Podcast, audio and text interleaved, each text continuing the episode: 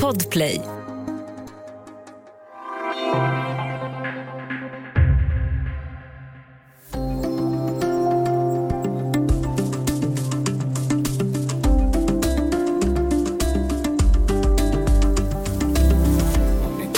Trakten Hon lyser upp hela natten. Det är plus ett, hon kan matten. Hon är inte fin, hon är vacker. Hon är inte goish och behöver inga ögon i nacken. Men hon det här är Einars Katten i trakten från 2019 som kommer att bli hans stora genombrott. Einar, eller Nils Grönberg som han egentligen hette, var en av Sveriges största artister. Och han var 19 år gammal när han sköts till döds i Stockholm av okända gärningspersoner på torsdagskvällen den 21 oktober. I dagens Studio DN pratar vi om Einars musikaliska arv och uttryck och vilken roll den yngre generationens svenska hiphopartister spelar i kultur och samhällslivet.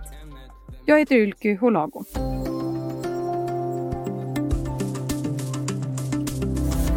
Och med mig nu har jag Jakob Lundström, reporter på DNs kulturredaktion. Hej! Hej! Hur reagerade du på nyheten om Einars död?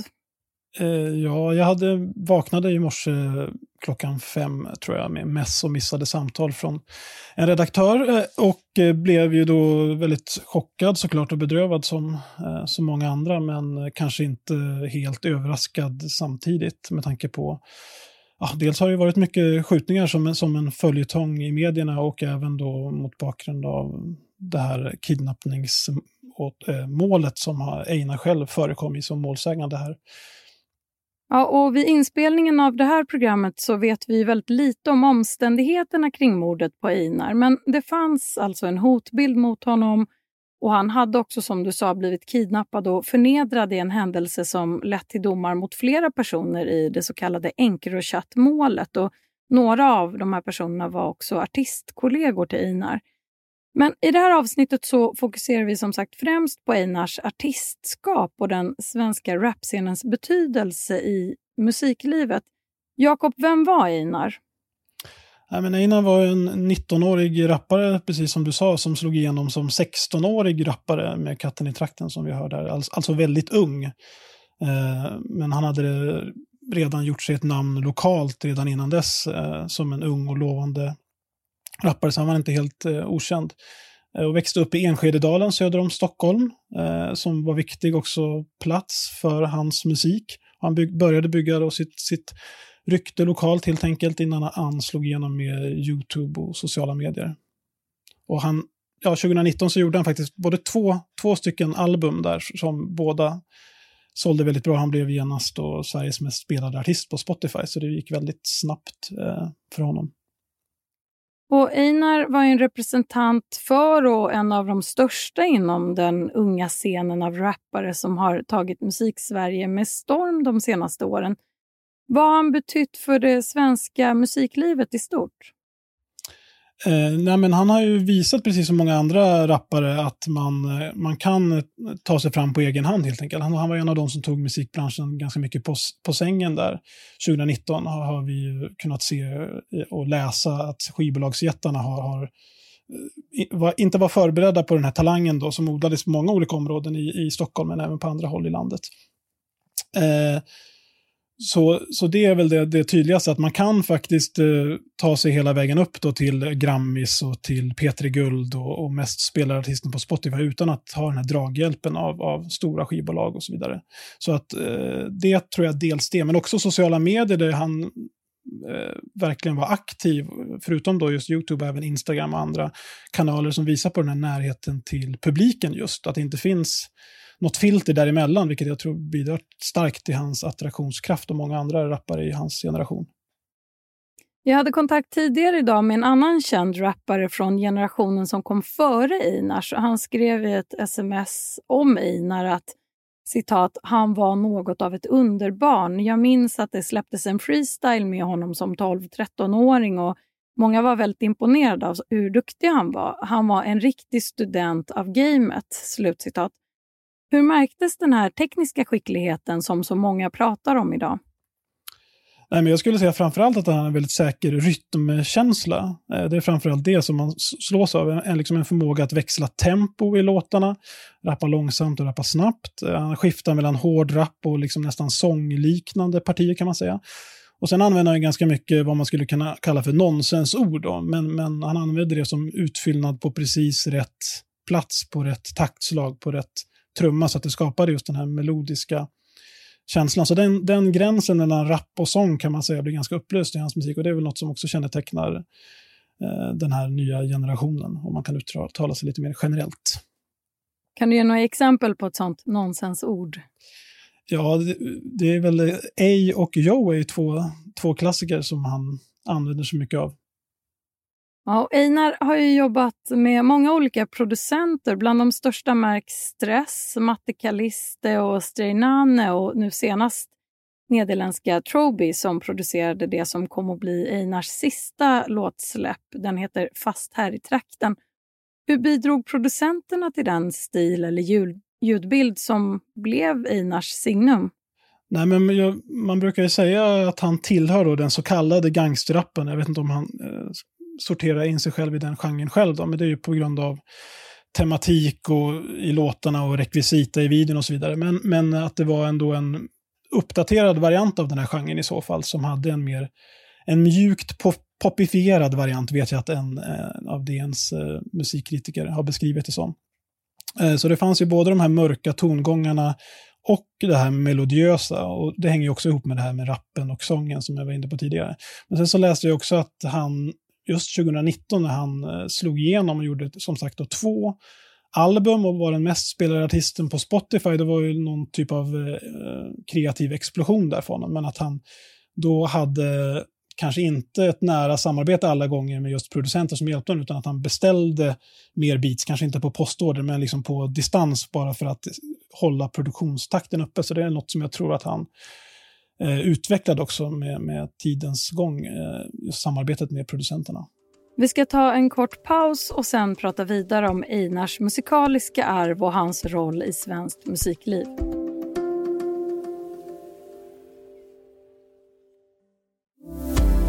Du lyssnar på Studio DN där vi idag pratar om Einars musikaliska eftermäle. Jakob Lundström, rapparen Ken Ring som ju tillhör den äldre generationen svenska hiphopartister har sagt att hur rapscenen har utvecklats är ett resultat av samhällets utveckling. Kan du beskriva hur den utvecklingen gestaltar sig i Einars och hans generationskamraters musik?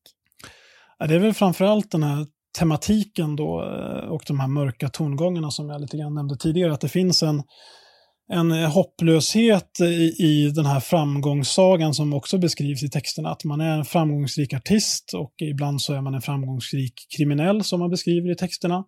Men, men ändå så finns det en, ja, en ångest eller en, en oro och en nästan ödesmättad ton kring, kring hur det ska sluta. Så det finns en form av både eh, cynisk eh, upplevelse av samhället skulle jag säga, en nihilistisk nästan eh, slutsats av det, att man lever, eh, man får, man får klara sig på egen hand så att säga och det är every man for himself som man brukar säga på engelska. Ja, och den person som skrev det här smset som jag refererade till för en liten stund sedan tog också upp att Einar vände upp och ner på folks fördomar om vad en förortsrappare är. Och det gjorde han genom att eh, han citat var en vit pojke som kallade sig Einar och körde värsta orten-rappen. Och att det här gjorde att han nådde ut till majoritetssamhället på ett annat sätt än andra orten-rappare. Hur ser du på det resonemanget? Det kan jag tänka mig, det kan säkert ligga något i det, att han var eh, exotisk eh, på något vis, alltså i det sammanhanget, någon omvänd exoticism nästan. Um, och att han blir då mer identifierbar, lättare att identifiera sig för, eh, med för majoritetssamhället. Ehm, sen så kan man ju säga rent statistiskt, eller om vi tittar då på Spotify och de här mer prisskalan och så vidare, så har ju då, där har det funnits en mängd eh, olika rappare. Draylo var ju den mest spelade rapparen 2020, eh, så han har ju verkligen slagit igenom där på Spotify. Men sen kanske han inte har varit gäst eh, i, i, samma sammanhang eller fått samma mediala roll eller utrymme som Einar. Men jag tycker att den där upplösningen mellan ja, om man, om man målar upp två olika separata kärl, där det finns då majoritetssamhället och eh, dess motsats, så, så finns det ju exempel på där de här, det har börjat överbryggas helt enkelt. Jag ser till exempel på samarbete mellan Yasin och Miriam Bryant som ett exempel, eller att rapparen Antoine var med i Allsång på Skansen är ju ett sånt klockrent exempel. Eh, och sen så har ju då parallellt då funnits de här eh, svarta rubrikerna om kriminalitet och hiphop och de här eh, rättegångarna och så vidare. Så de har liksom existerat sida vid sida, de här, de här båda tendenserna. Det som har hänt Einar nu väcker ju många olika reaktioner. Vi kan se kritiska röster som ställer frågor kring varför uppmärksamheten blir särskilt stor just nu. Och eh, folk undrar om det handlar om att det hände just i det välbärgade Hammarby sjöstad och vilken bäring Einars egna klassbakgrund har på uppmärksamheten. Skjutningarna har ju pågått i flera år. Närmare 200 personer har dött och många av dem, precis som Einar, mycket, mycket unga. Och i många av de mest drabbade områdena så är ju många boende traumatiserade av pågående skjutningar.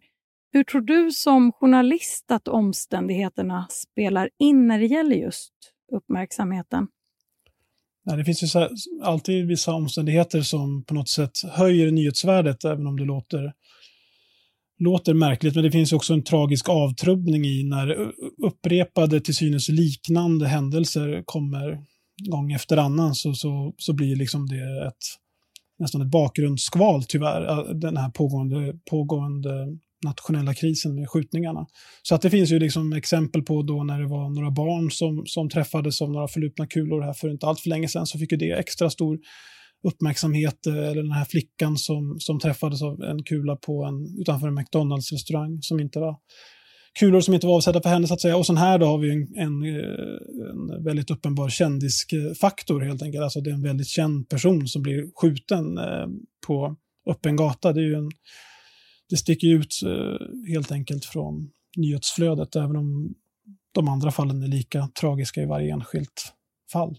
Ja, Einar verkade ju som vi redan har nämnt här inom en genre där han var ganska ensam om att vara vit och ha medelklassbakgrund. Och det här är något som enligt vissa analyser har bidragit till att han har fått ett snällare bemötande i mainstream media, särskilt jämfört med andra rappare som tar upp kriminalitet i sina texter. Och Ett exempel som är väldigt omdebatterat är jämförelsen som många har gjort mellan intervjusituationer i programmet Malou efter tio i TV4 där Einar anses ha fått mer okritiska frågor än kollegan Greekazo som deltog några månader senare. Så här lät det när Einar tillsammans med sin mamma medverkade i TV4 i oktober 2019. Många rappare har varit i det här programmet och älskar att komma hit och jag gillar verkligen att lyssna på de här texterna. Mm. Skulle du säga att dina texter berättar någonting speciellt om det liv som du och andra i din ålder lever? Jag tycker att jag berättar eh, från eh, allas, eh, från allas perspektiv och från eh, mitt perspektiv och hur det ser ut. Att, eh, att, vara, att vara just eh, där jag, där jag är ifrån eller där andra är ifrån. Det är runt omkring i hela Stockholm där det är små barn som skjuter och det är eh, det är narkotikaförsäljning och sånt. Och, sen... Eh, och några månader senare så var Gerkaso med i samma program och ställdes då istället till svars för sina socialrealistiska texter om bland annat droganvändning av Malou von Sivers och den så kallade arga snickaren som också var med i samtalet.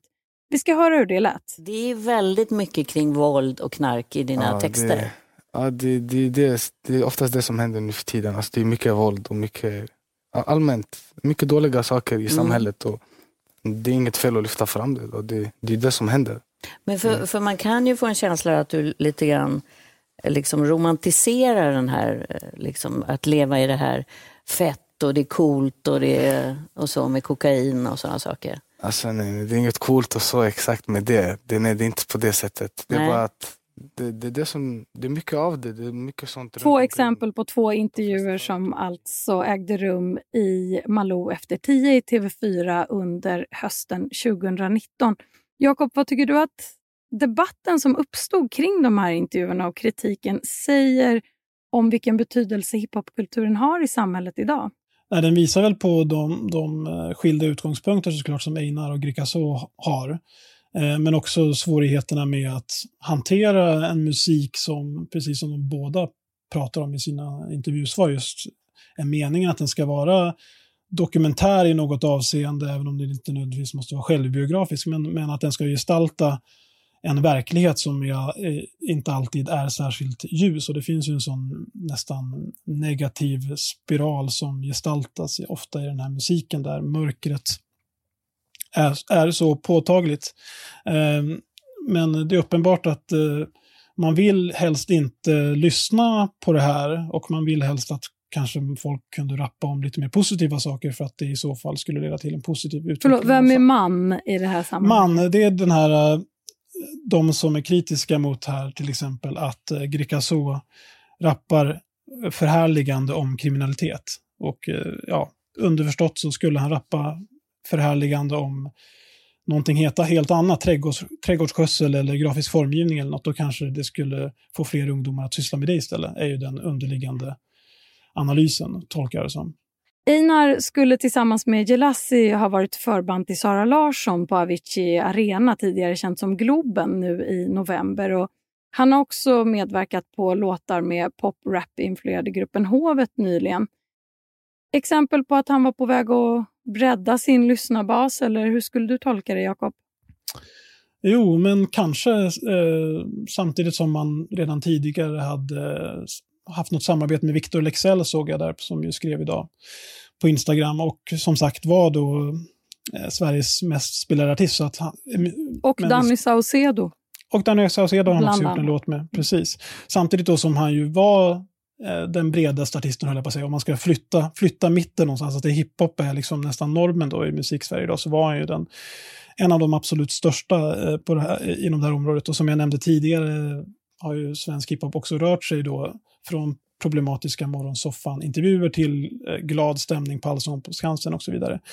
Men sen så finns det ju en annan dimension av hans musik som, som han själv pratade om och var uppe med både i texter och i intervjuer där att i den här genren då med, med, krav på autenticitet och så vidare så finns det ju, är det ju inte säkert att musiken blir en väg ut. Det kan ju också vara en del när kraven på att man ska vara äkta, eh, och i det här fallet då äkta gangster, så är det ju svårt att eh, nu är det, eh, det, är inte säkert att musiken blir en utväg helt enkelt, för då tappar man ju sin karriär. Så det finns ju den typen av ödesmättade rader som man själv har i sin musik, där han just funderar över om allt kommer ta slut vilken sekund som helst.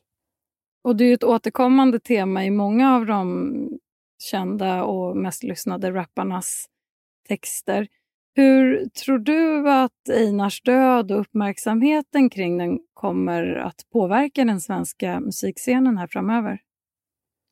Ja, det är svårt att säga. Det blir lätt floskulöst att säga att de måste ta det här på allvar och så vidare. Och det är ju, eh, Eh, men men eh, helt klart så är det ju så att eh, hiphop är ju uppenbarligen också verkliga människor som lever verkliga liv och kan dö. Det är inte bara text och materia och konst, utan det är också verkligt liv. Och det är ju någonting som det här fallet uppenbarat att oavsett om musiken inte var anledningen till att han dog, så, så är det ju tätt sammanflätat med hans liv och öde. Tack så mycket Jakob Lundström, reporter på Dagens Nyheters kulturredaktion. Om du vill kontakta oss går det bra att mejla till studiodn dn.se. Studio DN görs för Podplay av producent Sabina Marmelakai och Palmira Kaukari-Menga. Ljudtekniker Patrik Miesenberger, teknik Oliver Bergman, Bauer Media och jag heter Ylky Holago.